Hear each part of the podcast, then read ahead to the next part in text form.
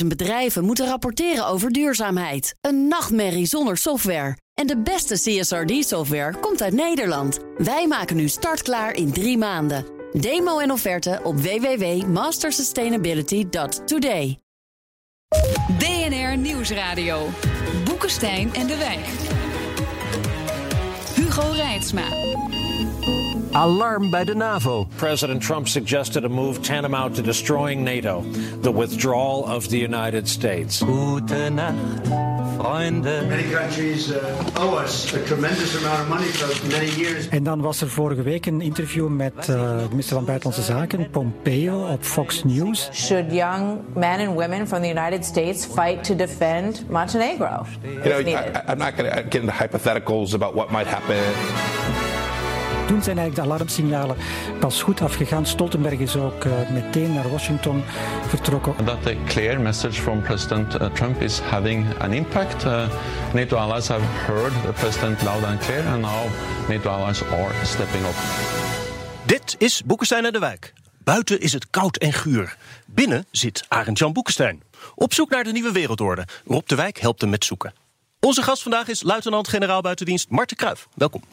Dankjewel. Meneer de Kruijf, er gebeurt ineens een hele hoop rond die NAVO de afgelopen week. Je hebt het stuk in de New York Times dat Trump intern weer uh, zat te twijfelen over het Amerikaans lidmaatschap. Uh, congres dat daar een wet tegen aanneemt. Pompeo die nog wat zegt over dat artikel 5, wat suggereert dat het misschien niet zo stellig is. Wat is daar aan de hand?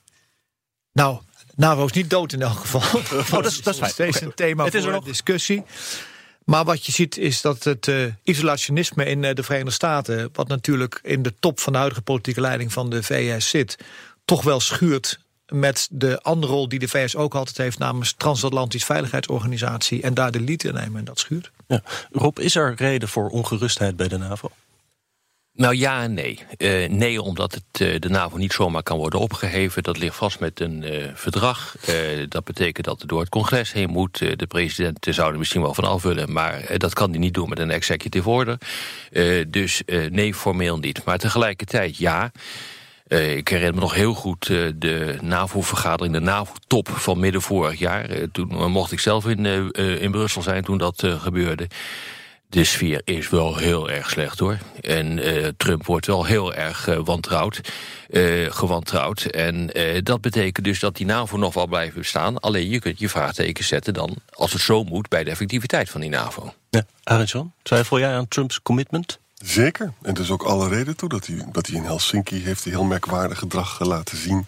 Hij heeft in, uh, bepaalde uitspraken, wel vier of vijf achter elkaar, door de, door de jaren heen ook. Dus we kunnen over jaren spreken, dat hij toch die artikel 5 uh, relativeert. Mm -hmm.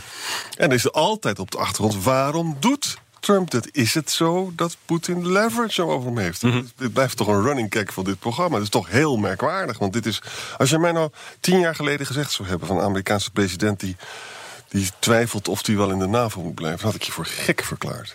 We zitten hier allemaal bijeen als mensen die Atla als Atlantisch be be be bekend staan. En nu zitten we in een wereld die totaal aan het veranderen is. Ja, misschien even dat artikel 5, dat is, ik kijk even naar de generaal, de bijstandsverplichting. Hè? Dat, dat is aanval 1. bijstandsverplichting, dat een aanval op één land wordt beschouwd als een aanval op alle NATO-lidstaten. Ja. En nu had uh, minister Pompeo van Buitenlandse Zaken, geloof ik, over Montenegro. Trump had eerder ook wel eens over Montenegro gesproken. Van nou ja, willen we dat eigenlijk wel? Nou, ja, dat heeft hij zo niet gezegd. Zo kwam het in de media terecht. Hij heeft gezegd, uh, ik ga me niet uitlaten over hypothetische mm uh, situaties. Dat heeft hij gezegd, dat heeft de media gehaald. En de tweede deel van de zin uh, luidde van... ja, maar vergis je niet.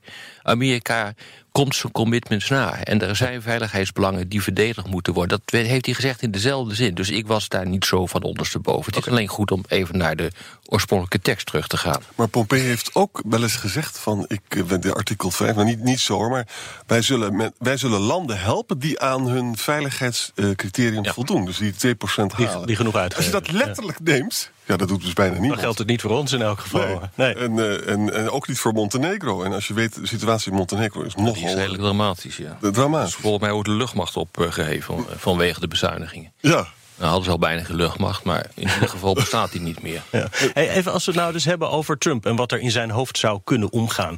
Meent hij het als je dus geluiden hoort dat hij twijfelt aan de VS-lidmaatschap? Of is het puur om meer geld los te peuteren? Nou, als dat het alleen was, dan zou het mij nog enigszins geruststellen. Maar ik denk dat hij geschiedenis als keuzevak op high school heeft laten vallen. Uh, want als je natuurlijk dieper doordenkt heeft de VS altijd een hoge prijs betaald voor isolationisme. En na de Eerste Wereldoorlog is de VS echt teruggetrokken op zichzelf. Dat heeft geleid tot een vrede in uh, Versailles, die uh, uiteindelijk kun je zeggen een van de oorzaken is voor de Tweede Wereldoorlog. En dat bloed van het isolationisme van de VS is door Amerikaanse soldaten betaald in Pearl Harbor en op de stranden van uh, Normandië.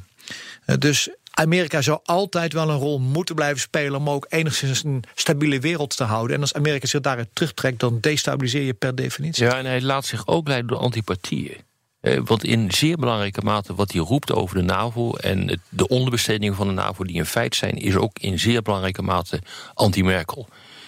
En uh, ook tijdens die NAVO-top, waar ik het al even eerder over had, op dag twee ging die volle kracht vooruit op Merkel.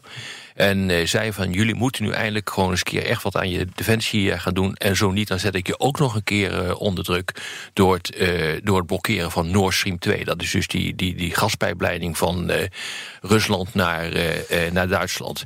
Dus het, het, het is heel merkwaardig wat hier aan de hand is. aan de ene kant anti-Merkel. Hij is ook niet anti-Poetin. Hij gelooft niet zo in die Russische dreiging, waar die NAVO op dit ogenblik toch wel voor bedoeld is, uh, mag je wel constateren. Althans, uh, dat blijkt ook uit alle communiqués waar, waarom er opnieuw moet worden geïnvesteerd in uh, defensies. Hij zwalt heen en weer met zijn argumentatie. Hmm. Ja, maar weet je, even om terug. Het is wel een historisch probleem. Mart begon er net ook over. Hè? En, en Mart zei van luister eens, Amerika heeft een grote prijs betaald voor isolationisme. Je zou ook kunnen argumenteren van ja, na de Eerste Wereldoorlog heeft de Senaat gewoon niet mee willen doen met de Volkenbond. Hè? Dat was een sterke Amerikaanse onderstroom. Hè? Roosevelt had de grootst mogelijke moeite moeten doen om de Amerikaanse volken te overtuigen en, en het congres om uh, mee te gaan doen in de strijd tegen Hitler. Met andere woorden, als je die boeken van Walter Russell Mead leest... en dit is een sterke onderstroom. Het zou zomaar kunnen, jongens, dat de wereld die wij kennen... waarvan wij houden, dat die dus isolationistischer wordt in Amerika. Iets wat heel erg slecht zijn, want Europa is niet in staat om dat te vervangen. Ja. Dus het is, het is wel een, een, een, grote kracht die Trump aanboort. Het is niet alleen maar Trump. Ja. Is het, is het mogelijk voor Trump, uh, ik weet niet hoe dat zeg maar, juridisch zit, om gewoon te zeggen: ik trek de VS terug? Of kan nee, iemand dat dan nou, tegenhouden? Ik heb het al eerder even gezegd. Uh, hij kan een hele hoop doen met executive orders. Ja. Hij kan zich dus zeg maar uit de Iran-deal, wat dus gebeurd is, terugtrekken omdat hij denkt, nou, de Iraniërs die zitten de boel te belazeren... en ze gaan toch een kernwapen maken... en ze zitten ook viespeuken in uh, Syrië. Dus ik, uh, ik trek die deal weg. Dat kan hij doen omdat die deal door zijn voorganger... met een executive order is, is gemaakt. Ja. En dus kan hij daar zo vanaf en dat kan hij buiten het congres omdoen. Dit kan niet. Dit is geratificeerd. Dit is een verdrag dat geratificeerd is. Dat kan niet. en bovendien heeft het congres zich ondubbelzinnig uitgesproken voor de NAVO. Dat is volgens mij deze week ook gebeurd. En ja. midden vorig jaar heeft de Senaat dat gedaan. Ja. Eén dag voordat uh, Trump zou moeten optreden in die roemruchte NAVO-vergadering. Dus dat, nee, het kan mm -hmm. niet. Maar, het congres maar dat wil niet zeggen dat je hem niet kan slopen, de NAVO. Maar het congres voelt wel nattigheid. Want die probeert ja. geloof ik nu een wet aan te nemen... dat als je gelden moet uh, aanvragen om uit die NAVO terug te trekken... dan geven we die niet. Hè. Dat betekent dus dat ze bang zijn. Ik las ook weer een analyse dat, dat de president toch naast het neer kan liggen. Omdat namelijk de Amerika is de depositor van het verdrag. En in het verdrag staat, je moet een jaar van tevoren aangeven dat je opstapt. Mm -hmm. Dus Amerika moet het aan zichzelf dan dus vertellen. Nou, dat kan dus niet. Nee, dan moet het geratificeerd worden, uh, ja. Jan. Dat, dat gaat dus niet gebeuren met dit congres. Maar er zit ook wel een soort tegenstelling in. Hè? Aan de ene kant is de kracht van NAVO bestaat uit twee elementen. Dat is de middelen die je hebt. Ja en de vastbeslotenheid en de politieke exact. bereidheid die je toont om NATO te handhaven. Ja, aan de ene kant vraagt hij om te investeren in de middelen aan de andere Europese landen. En terecht. Aan de andere kant kalft hij dat weer af door die saamhorigheid ja. en die vaste beslotenheid. Uh, op de weegschaal te leggen. En uh, dat is natuurlijk contraproductief. Nou, Als er geen politieke wil is voor de bijstandsclausules... dan zit je in grote problemen. We zitten dus sowieso in grote problemen. Het is ook geen wonder, jongens, dat ook in Duitsland... vorig jaar die discussie is opgekomen over een Duits kernwapen. Ja. God verhoede ja. dat dat gaat gebeuren. Uh, maar het feit dat die discussie daar komt... betekent dus ook dat er twijfels zijn aan de zogenaamde atoomparaplu, de garantie eh, dat Amerika ook met atoomwapens Duitsland zal gaan verdedigen. Eh, die, die, dat idee is dus kennelijk aan het eroderen. En dat betekent dus dat dit soort discussies komen. Die, eh, die atoombom van Duitsland gaat er denk ik niet komen. Dat is bijna ondenkbaar. Maar die discussies lopen dus wel. Maar ik heb een vraag aan jullie beiden. Of aan, aan alle mensen in deze zaal. Hè. Stel je nou eens voor, ik denk dat dat niet gaat gebeuren... maar stel je nou eens voor dat in de State of the Union dinsdag... de president dus gewoon echt zegt van... wij gaan de NAVO uit. Het, iedereen, mijn broek zou dan afzakken, die van jullie waarschijnlijk ook. Kijk, je moet altijd nadenken ook over een onmogelijke situatie. Wat zouden eh, Merkel, Macron en mevrouw May dan moeten doen? Je kunt niet niks doen dan. Volgens mij moet je bij elkaar komen. Dan moeten ze woensdag eh, iets. Wat vind je daarvan, Rob?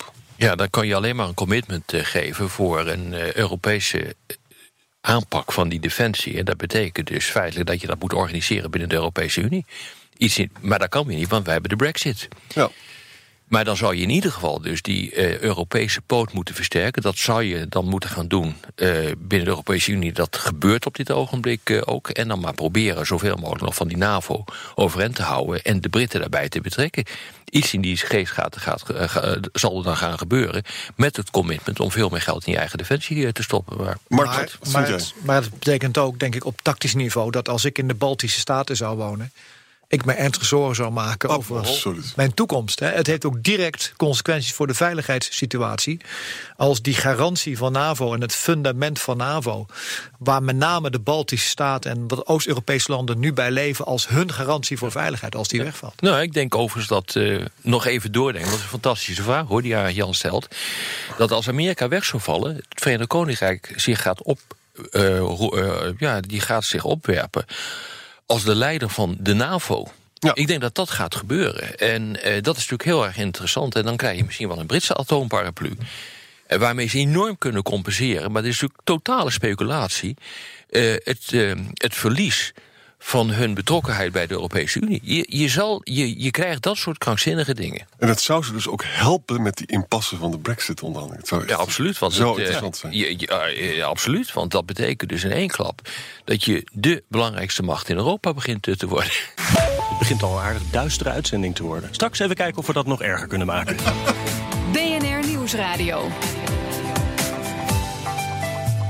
Boekenstein en de Wijk.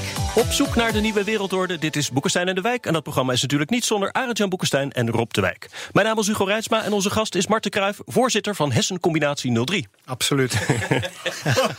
Winnen jullie een beetje? Gaat heel goed, ja. Ah, ja. Trots, eh, nou, geen lijstaanvoerder, maar in de vierde klas draaien we aardig mee. Ja. En Fe- En Feyenoord doet het ook aardig. Ja, daar hadden we het al over. Hè? Ja. Gaat heel gaat het in godsnaam over, jongen? Sorry Rob. Ja, we, we waren ergens bij, eh, bij artikel gaan het 5, over, eh, eh, geloof ik. En eh, dat, dat, dat eh, is eh, voor u, meneer de Kruijf, meer dan alleen een theoretisch. Hè? In, bij ISAF in Afghanistan Nou ja, ook een duidelijke 5 is praktijk. natuurlijk eh, ingeroepen na de aanval op 9-11.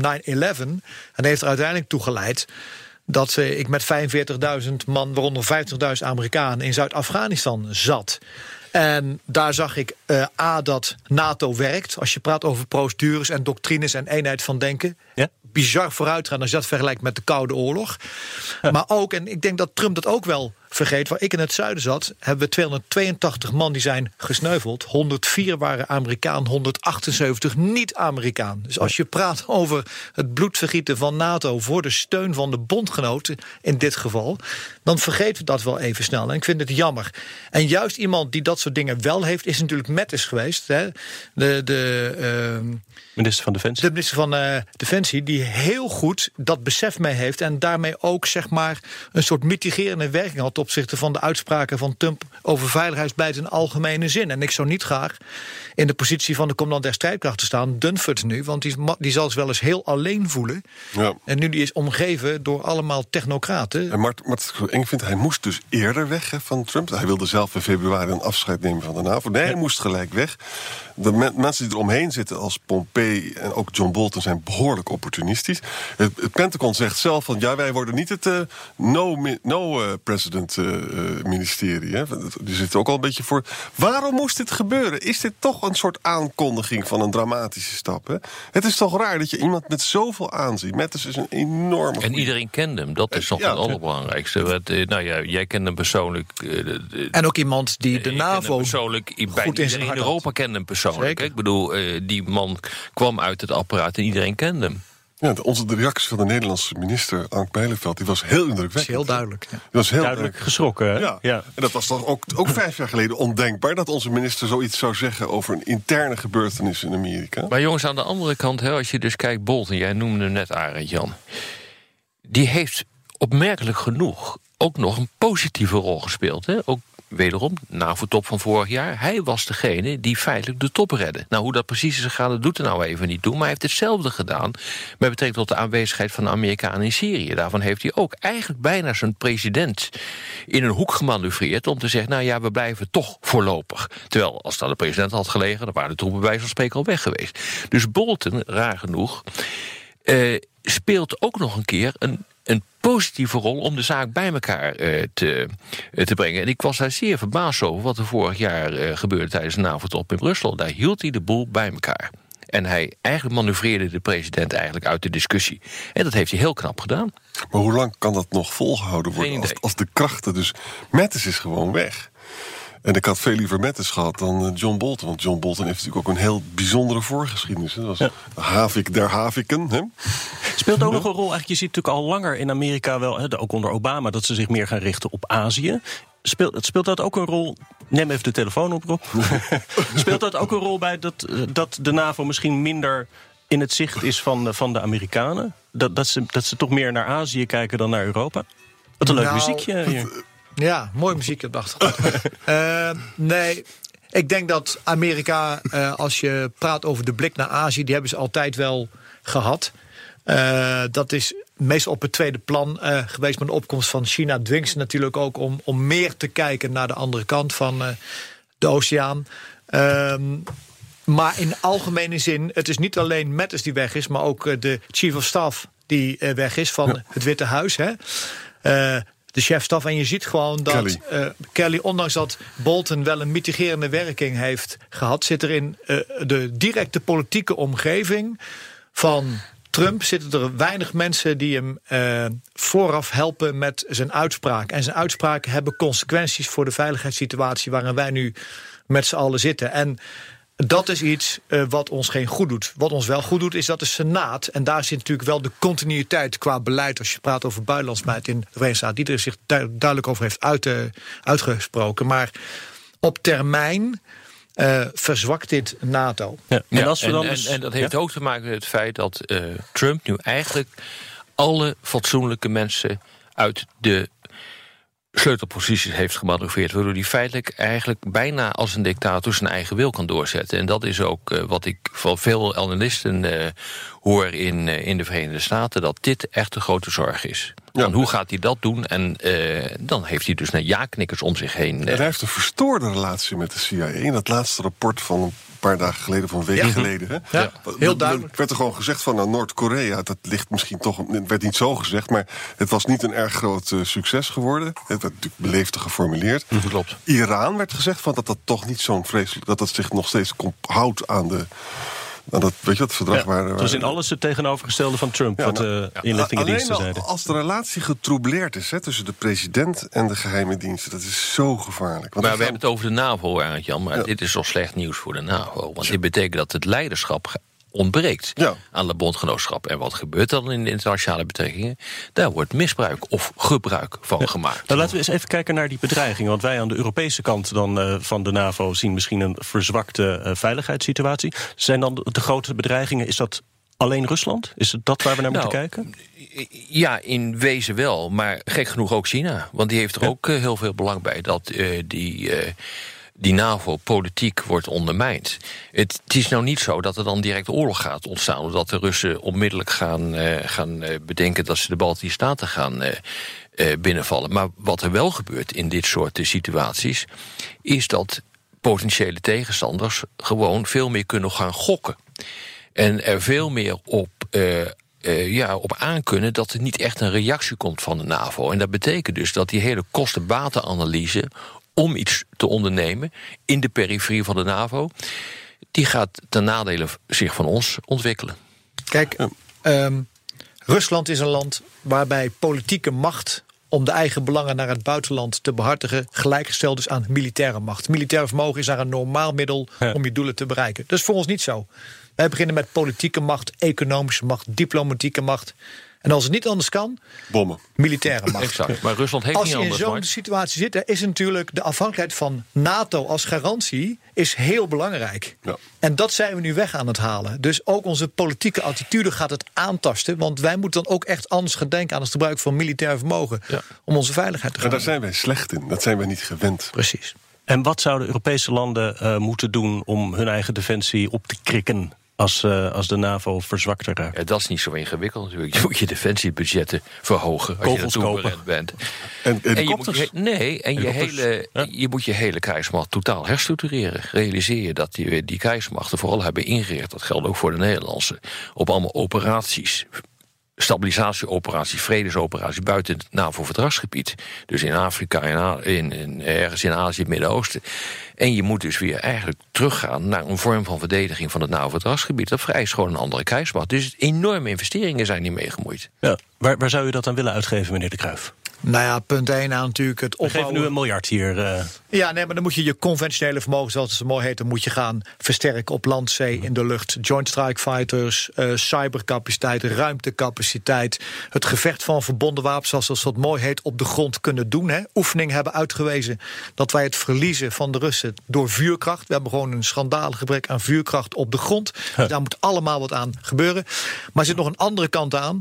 Je kunt ook als Europese tak van NATO zuiniger met je spullen omgaan. En samenwerking, niet van bovenaf als Europees leger, maar van onderaf, daar waar je capaciteiten kunt bundelen, moet je dat ook vooral doen. Ook dat is een verantwoordelijkheid om meer efficiëntie te halen uit investeringen die je Wat, wat we met Duitsland en met België Zeker. geloof ik ook wel doen. Absoluut, ja. ja. En daar zijn we wel een voorloper in. Ja.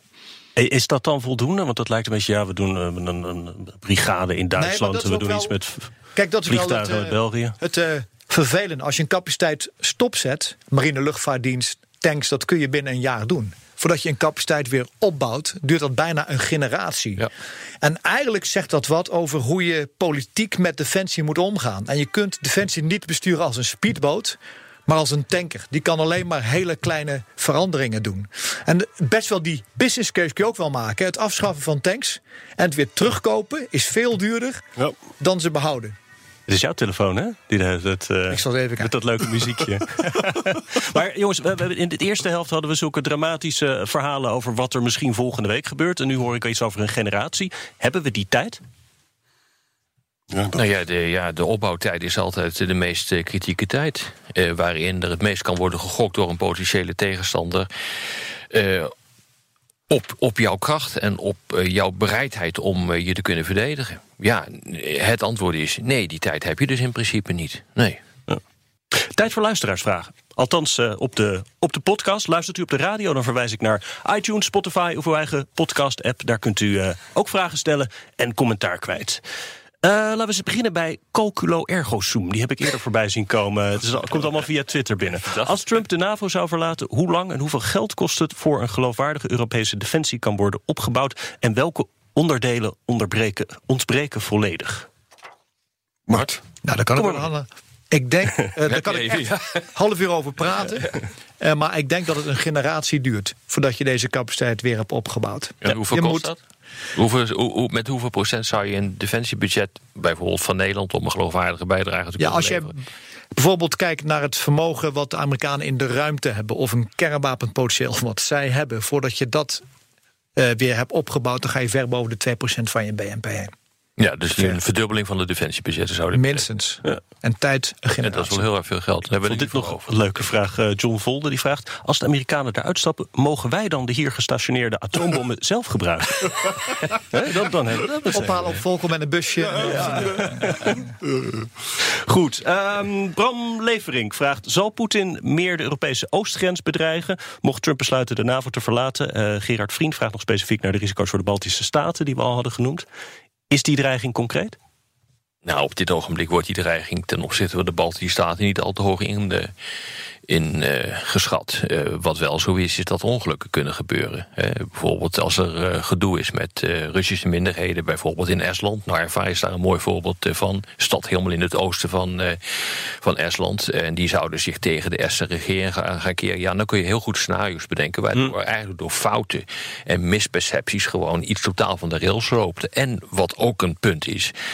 Ik denk dat eerlijk gezegd dat je nog veel meer naar de Balkan moet uh, gaan kijken wat daar op dit ogenblik gebeurt. Hoe die Russische invloed zich daar manifesteert. Terwijl tegelijkertijd die landen ook lid willen worden van, uh, van de NAVO en van de Europese Unie. Bijvoorbeeld uh, Montenegro? ik ik, ik vind dat er op een groter risico op dit ogenblik. Ja, ik zag ergens anders ook nog vragen inderdaad over Servië en natuurlijk Oekraïne. Nou ja, kijk, weet je wat er. Uh, het is een bewuste keuze van, uh, van Rusland om overal bevoren conflicten te hebben. In uh, conflict met Georgië is bevoren, conflict met Oekraïne is, is bevoren. Ze blijven daar dus ook, ze zullen daar ook niet weggaan. Syrië is de volgende aan de stam. En wat doe je met die, met die bevoren conflicten? Je verhindert daarmee effectief dat die uh, dat die landen lid worden van de NAVO. Want wij accepteren niet als NAVO uh, dat we onheil gaan importeren. Dus je moet eerst vrij van conflicten zijn. Dan kan, uh, kan je pas lid worden van de NAVO. Dus ja. dit is een verstandige strategie vanuit het oogpunt van, van Rusland. Ja. Joris ten Berg vraagt: Moet de EU een militaire alliantie vormen binnen de NAVO? Berlin Plus noemt hij. Ik hoorde nog een andere vraag over de West-Europese Unie. Het, moet, moet Europa die, die eigen defensietak uh, verstevigen?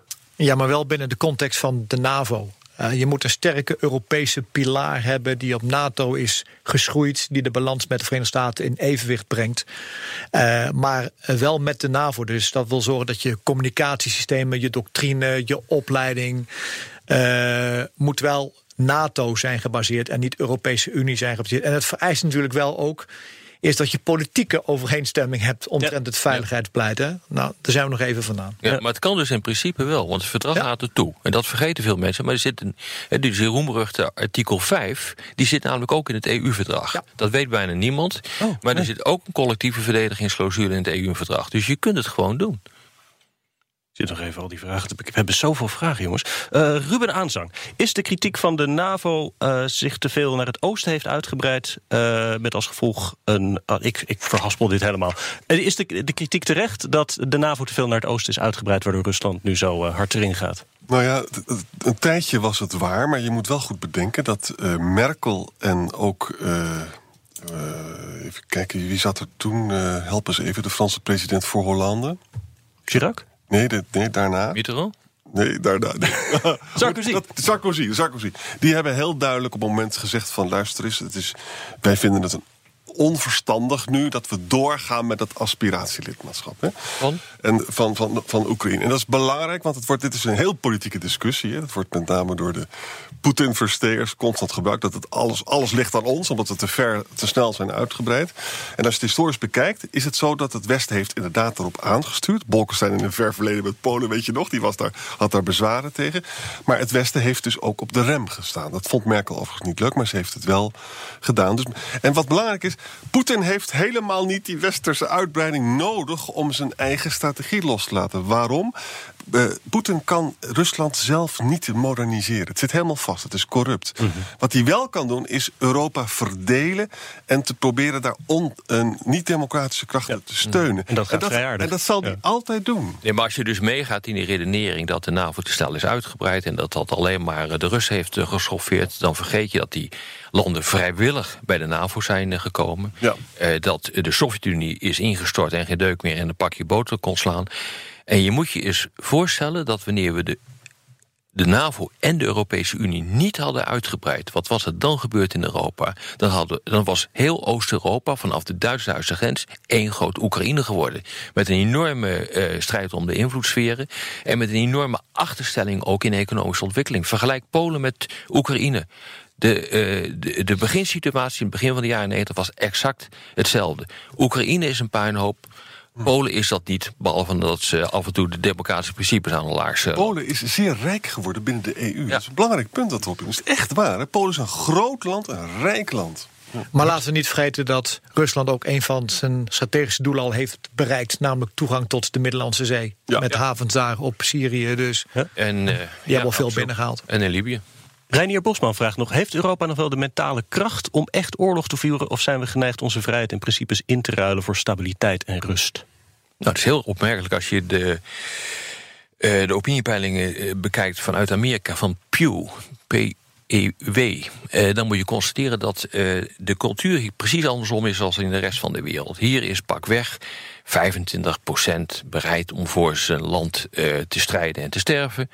En de rest niet. In buiten Europa is dat precies het omgekeerde. Is even heel grofmatig gezegd.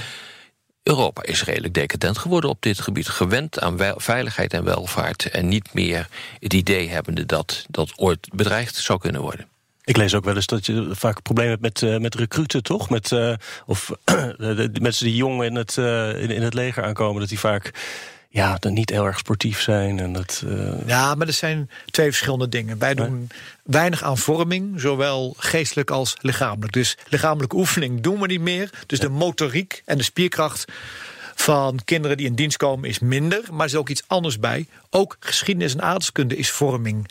En niet alleen maar mensen kennis leren die over cijfers gaat... maar ook weten waarom wij die 75 jaar veiligheid... en dat veilige gevoel hebben, is voor mij essentieel.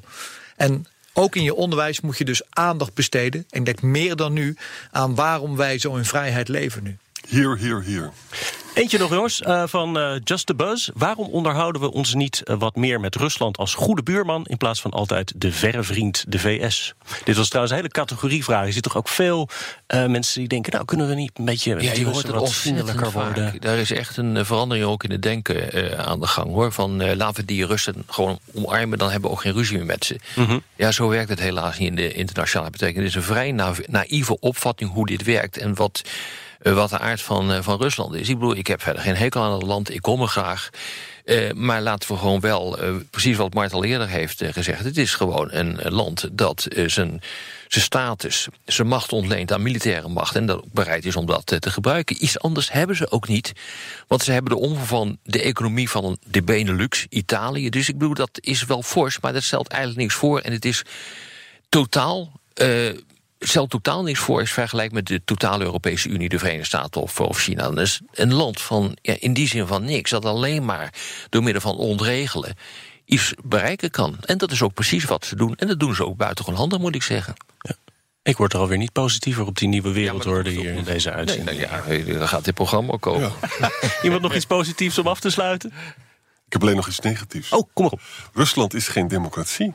En als je daar journalist bent en je zegt dingen die Poetin niet bevalt, dan uh, gaan er hele grappige dingen gebeuren. Er gebeuren zelfs rare dingen met Nederlandse diplomaten in Moskou. He, dat is allemaal gebeurd. Dus, Rusland heeft een lange geschiedenis ook van liegen en bedriegen. Kijk maar eens wat ze in Servië doen en Montenegro. Dat gaat heel ver. En het gekke is dat die, al die Poetinisten Mhm. Die hebben daar kennelijk geen oog voor. Die denken, die hebben een soort romantisch beeld van, van dat uh, Poetin een soort nieuwe tsaar is, maar, maar verder ook bloemen uitdeelt. Nou, ga, lees maar eens. Lees dat prachtige boek Timothy Snyder, The Road to Unfreedom. Maar we hebben de derde wereldoorlog niet voorspeld, deze uitzending. Nee. En dat, dat is, is dan weer positief. Dat is heel erg positief. Nou, dan kunnen we toch gerust gaan slapen. Dit was weer Boekenstein en de Wijk. Namens Arjan Boekenstein en Rob de Wijk zeg ik dank voor het luisteren. Speciale dank aan generaal de Kruif, de schrik van het voetbal. Tot volgende week. Was ich noch zu sagen hätte, dauert eine Zigarette und ein letztes Glas im Stehen.